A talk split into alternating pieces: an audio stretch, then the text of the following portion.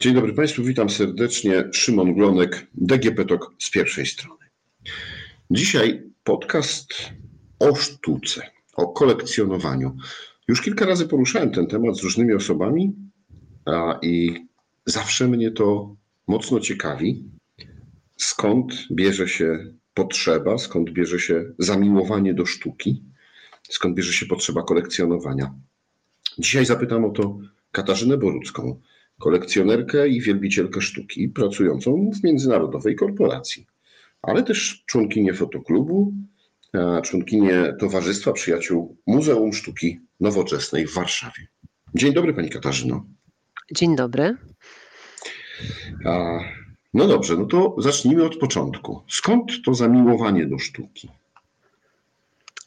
E, myślę, że e, trudno powiedzieć e, tak naprawdę skąd i kiedy takie zamiłowanie do sztuki się rodzi w człowieku. Myślę, że u mnie akurat ono występuje od dziecka. Od dziecka jestem wrażliwa na, na, na sztukę, na kulturę, na piękno. Chociaż sztuka nie zawsze musi się kojarzyć, czy być kojarzona z pięknem. E, I e, no, na wszelkie przejawy e, ludzkiej wrażliwości, która otwiera perspektywy na coś więcej niż tylko takie bieżące, codzienne życie. Także to gdzieś płynie ze środka, pojawia się bardzo wcześnie. No i potem, potem, potem człowiek po prostu w naturalny sposób e, e, w tym kierunku się rozwija. U mnie akurat e, pasja do sztuki zaczęła się od literatury, tak naprawdę, bo bardzo wcześnie zaczęłam czytać, bardzo dużo literatury pięknej, również o sztuce. Mm, bardzo lubiłam na przykład czytać biografię artystów, wcześniej jeszcze w szkole podstawowej. E, no i tak e, powoli e, ta, ta pasja się rodziła i rozwijała. A czy to jest tak, że nie wiem, w rodzinie były jakieś tradycje? Mm, rodzice, dziadkowie zachęcali jakoś, nie wiem, pokazywali, że sztuka to jest coś fajnego, coś, czym warto się zainteresować? Czy to rzeczywiście tylko taka młodzieńcza fascynacja, dziecięca fascynacja literaturą i dopiero y później odkrywanie kolejnych etapów. Nie było raczej w rodzinie jakichś specjalnych e, zapędów kolekcjonerskich ani kolekcji. E, e, natomiast na pewno duża wrażliwość na, na piękno, na naturę, mm, na estetykę i również na literaturę. Także y, y, nie było jak, jakichś większych inspiracji czy tradycji w rodzinie, ale, ale wrażliwość. Wrażliwość, e, wrażliwość na, na, na piękno i myślę, że, że to właśnie e, spowodowało mm, to moje zainteresowanie, aczkolwiek ja też gdzieś tam zawsze bardzo wcześnie odkryłam e, swoje własne pasje, one, to też płynęło gdzieś ze środka. Czasami trudno naprawdę powiedzieć, skąd, e, skąd takie rzeczy się biorą. Po prostu była taka mhm. naturalna potrzeba. Widocznie się z nią urodziłam. No dobrze, to ten początek już mamy. Przeszedłbym do galerii, bo miała Pani swoją galerię fotografii. W Polsce to dość niespotykane. Tak, to prawda. Tak, e, bo wciąż jest to bardzo trudne. A y, skąd ten pomysł, że nie malarstwo, nie rzeźba, które są dużo bardziej uznawane za sztukę w Polsce niż fotografia? No, cała moja przygoda z fotografią zaczęła się od tego, że y, skończyłam fotografię. Znaczy, jakby moje pierwsze studia to była filologia angielska, czyli właśnie gdzieś tam po, podążyłam za tymi y, ścieżkami literackimi. Ale później studiowałam, e, skończyłam studium fotografii artystycznej e, w Związku Polskich Artystów Fotografików e, już wiele, wiele lat temu, na początku lat 2000. No i oczywiście i to jeszcze było to wspaniałe doświadczenie, ponieważ robiłam to jeszcze w erze analogowej, czyli miało to, to jeszcze więcej magii, bo Dzisiaj jest też e, spory powrót do fotografii analogowej, ale miałam własną ciemnię, czyli e, e, nie tworzyło się jeszcze projektów korzystając z aparatów cyfrowych, czy w tym zdigitalizowanym świecie, ale jeszcze w tym magicznym świecie fotografii analogowej. Więc e, to było taki, to był początek przygody i oczywiście w zasadzie mm, przez trzy lata e, studiów e, patrzyłam na świat kadrami. No i też odkryłam, dowiedziałam się bardzo dużo o fotografii, bo nie ukrywajmy, że żeby w ogóle rozwijać jakąś pasję kolekcjonowania sztuki czy fotografii, no to trzeba mieć jakąś wiedzę. E, z historii sztuki, z historii fotografii. E, no i wtedy bardzo dużo się dowiedziałam, pogłębiłam swoją wiedzę i teoretyczną, i praktyczną. E, I w pewnym momencie stanęłam przed takim dylematem, czy zostać artystą, fotografikiem, czy, czy, czy po prostu potraktować to jako pasję. A ponieważ z zawodu jestem osobą, która zajmuje się no, tworzeniem wizerunku, no, zajmuję się public relations bardzo szeroko pojętym, e, to doszłam do wniosku, że jest tylu wspaniałych, utalentowanych e, młodych artystów i ludzi, że ja chyba lepiej wykorzystam swój potencjał, jeśli będę promować e, tych artystów i ich sztukę, niż zajmować się sama sobą i swoją twórczością. E, I, i, I, już wtedy e, powstał pomysł, e, ja mam tak bardzo często, że poda, pojawia się jakaś idea fikcji i powstał pomysł, że założę kiedyś swoją galerię fotografii. No ale to było, w, to była na tamte czasy rzecz bardzo jeszcze abstrakcyjna, bo też pracowałam. No ale Często u mnie w życiu tak się dzieje, że e, coś tam sobie kiedyś wymyślę i przychodzi taki moment, pojawia się jakiś, e, jak, pojawiają się jakieś tam okoliczności, które powodują, że ja to e, swoje marzenie realizuję. I tak się stało. W 2012 roku rzeczywiście otworzyłam w Warszawie galerię, która się nazywa Lookout Gallery. Do dzisiaj jeszcze na Facebooku istnieje strona i zapis historyczny tego, co tam, co tam się działo. Yy, no i prowadziłam tę galerię ponad 4 lata. Mm, także to była taka, yy, powiedzmy sobie, od pomysłu w momencie, kiedy studiowałam fotografię, do realizacji e, minęło no, prawie 10 lat, no ale udało mi się ten pomysł zrealizować. Mm, niestety y, galerię y, ostatecznie y, zamknęłam. E, no ale też jednym z powodów było to, że mm, prowadzenie galerii fotografii w Polsce i promowanie fotografii jako e, obiektu kolekcjonerskiego jest bardzo trudne. To nie jest taki rynek jak Francja czy Stany Zjednoczone, które w tym obszarze mają e, no, wiele dekad wspaniałych tradycji. Powiem tak, pierwsza część wypowiedzi, kiedy powiedziała Pani o tej promocji fotografii, o tym, że jest wielu wspaniałych artystów, to e, miód na moje, na moje uszy i mm, rzeczywiście w 100% się z tym zgadzam, bo myślę, że jako Polacy e, nie zdajemy sobie sprawy z tego, ilu e, fantastycznych fotografów mamy, którzy chociażby wygrywają świetne międzynarodowe konkursy i tu już nie mówię o najsławniejszych typu WordPress Photo, ale artystyczne, bardzo, bardzo poważne konkursy e, na całym świecie, naprawdę. Tokio, e, Australia, Kanada.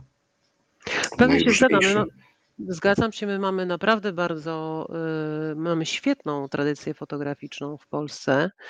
E, wspaniałych fotografów e, i, i wspaniałą naprawdę historię fotografii. I ja zachęcam wszystkich do tego, żeby, żeby się tym tematem zainteresowali, bo mamy wielu wspaniałych artystów, już też takich, e, niektórzy już nie żyjący, starszej daty, którzy tworzyli za granicą, którzy, którzy tworzą za granicą, którzy są też znani. Także naprawdę faktycznie nie mamy się czego, czego wstydzić. No dobrze, ale to niestety też zgodzę się z tym, co pani powiedziała, że, e, że to nie jest taki rynek właśnie jak Francja, e, Stany czy, czy jakiekolwiek e, wiele innych krajów europejskich. Jak pani myśli, czemu tak jest? Skąd bierze się u nas to, że jesteśmy w stanie właśnie docenić artystów malarzy, nawet współczesnych. Mecenasi sztuki i kultury, nie wiem, kupują rzeźby, a z tą fotografią jakoś tak nie po drodze. Myślę, że jest kilka e, przyczyn e, tej sytuacji. E, no jedną z nich jest chyba taka masowość fotografii. To znaczy, przynajmniej tak się uważa, że fotografia jest masowa i replikowalna. Powiedzmy sobie, no jakby, jakby się pan przeciętnego człowieka zapytał, czy na przykład wiedząc, gdyby miał do wyboru zakup E, nawet po jakiejś preferencyjnej cenie e, fotografii znanego polskiego fotografika, e, która jest uznana za dzieło sztuki, czy obraz lub rzeźbę, to pewnie wybrałby obraz lub rzeźbę, bo w powszechnym mniemaniu obraz czy rzeźba są przedmiotami unikatowymi. One są postrzegane jako obraz jest jeden, niereplikowalny, co też ja się z, czym, z tym się nie do końca zgadzam, bo obraz może być wtórny, może być kopią, może być bardzo podobny, ale jednak w takim powszechnym pojęciu jest e, czymś unikatowym, tak samo rzeźba. Tak? No i jest jeszcze ten czynnik e, narzędzia. Tutaj narzędziem jest e, ręka artysty. E, jest coś manualnego. E,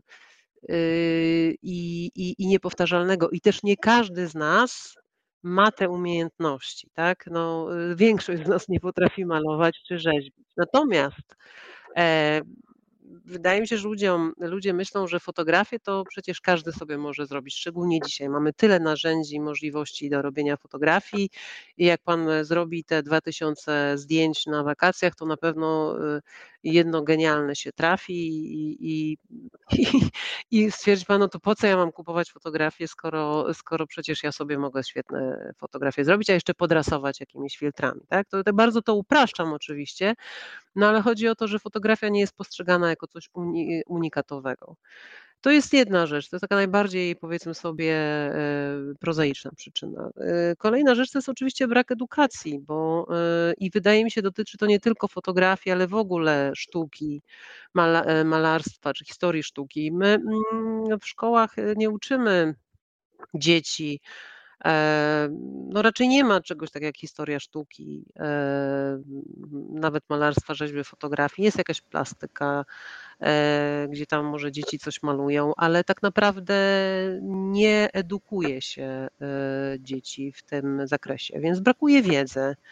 E, bo tak jak powiedziałam, potrzeba. Brakuje takiego wyrobienia estetycznego. Tak, tak, oczywiście, a to też widać podróżując po Polsce, potem jaką mam architekturę, przecież to bardzo łatwo można e, ocenić. No niestety, gustu e, nie mamy, ale nie chcę tutaj winić za to ludzi, tylko po prostu też no, pewien system. Tak? W tym systemie edukacyjnym brakuje tej edukacji estetycznej e, i wyrobienia właśnie tego, tego gustu, nauczenia ludzi pewnych standardów.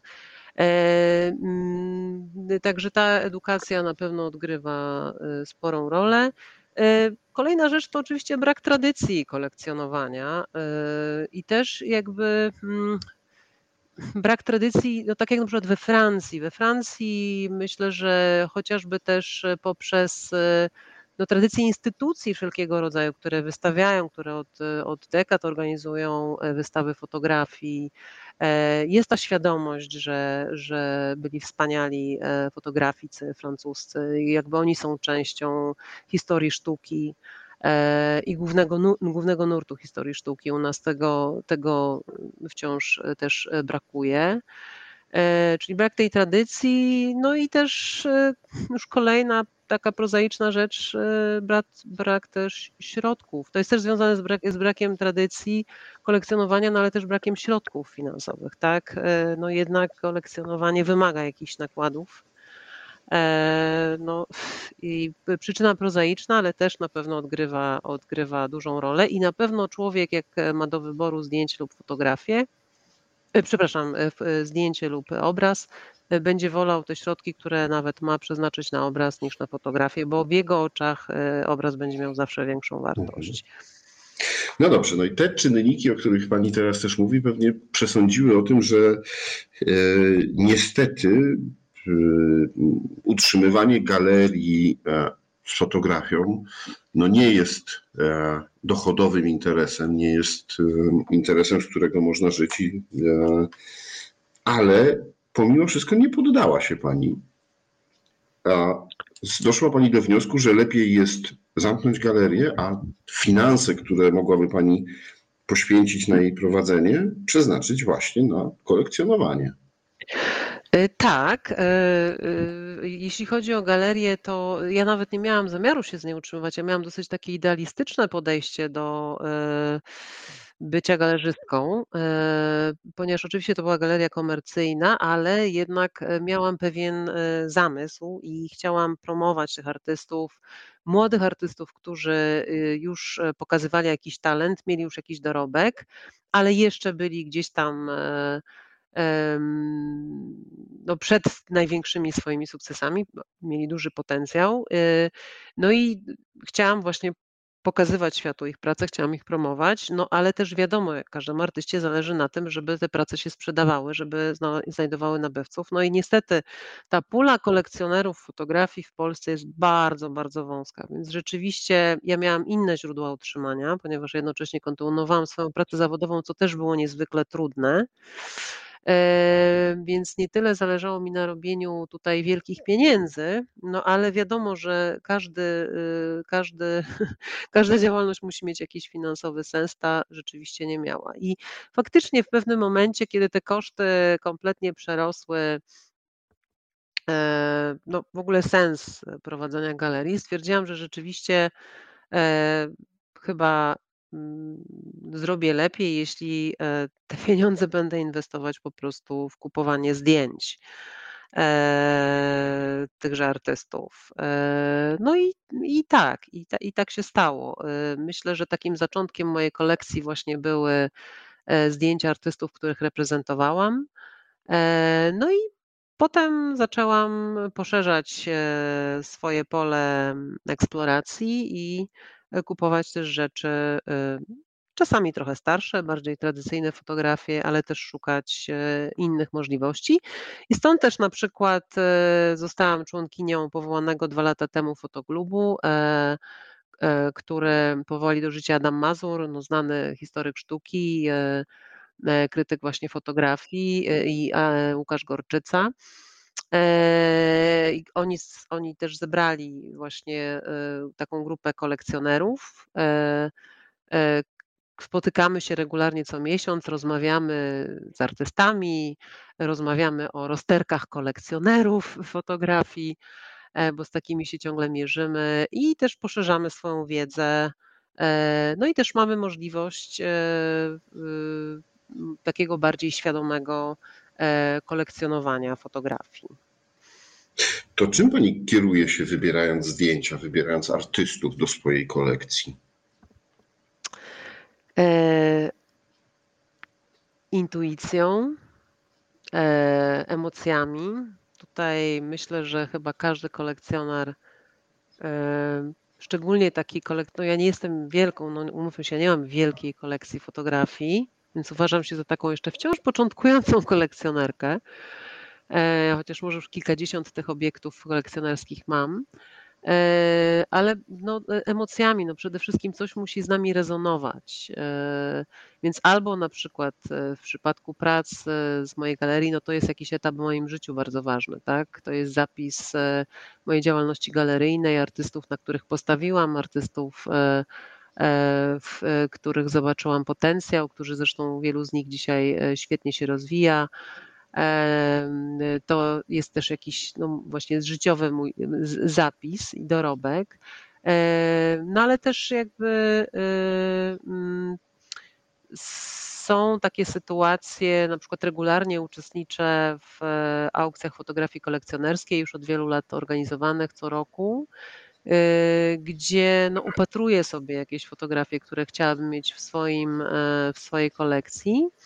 I przyznam szczerze, że ja mam sporo w swojej kolekcji portretów i, i też sporo portretów artystów, y, bo jest to raz związane z moją pasją, E, zawsze mnie interesuje twórca, ale też na przykład szukam czegoś e, unikatowego w tych fotografiach, czyli albo jest to jakiś rodzaj eksperymentu. E, na przykład mam, mam zdjęcie Ryszarda Chorowica z 1973 roku.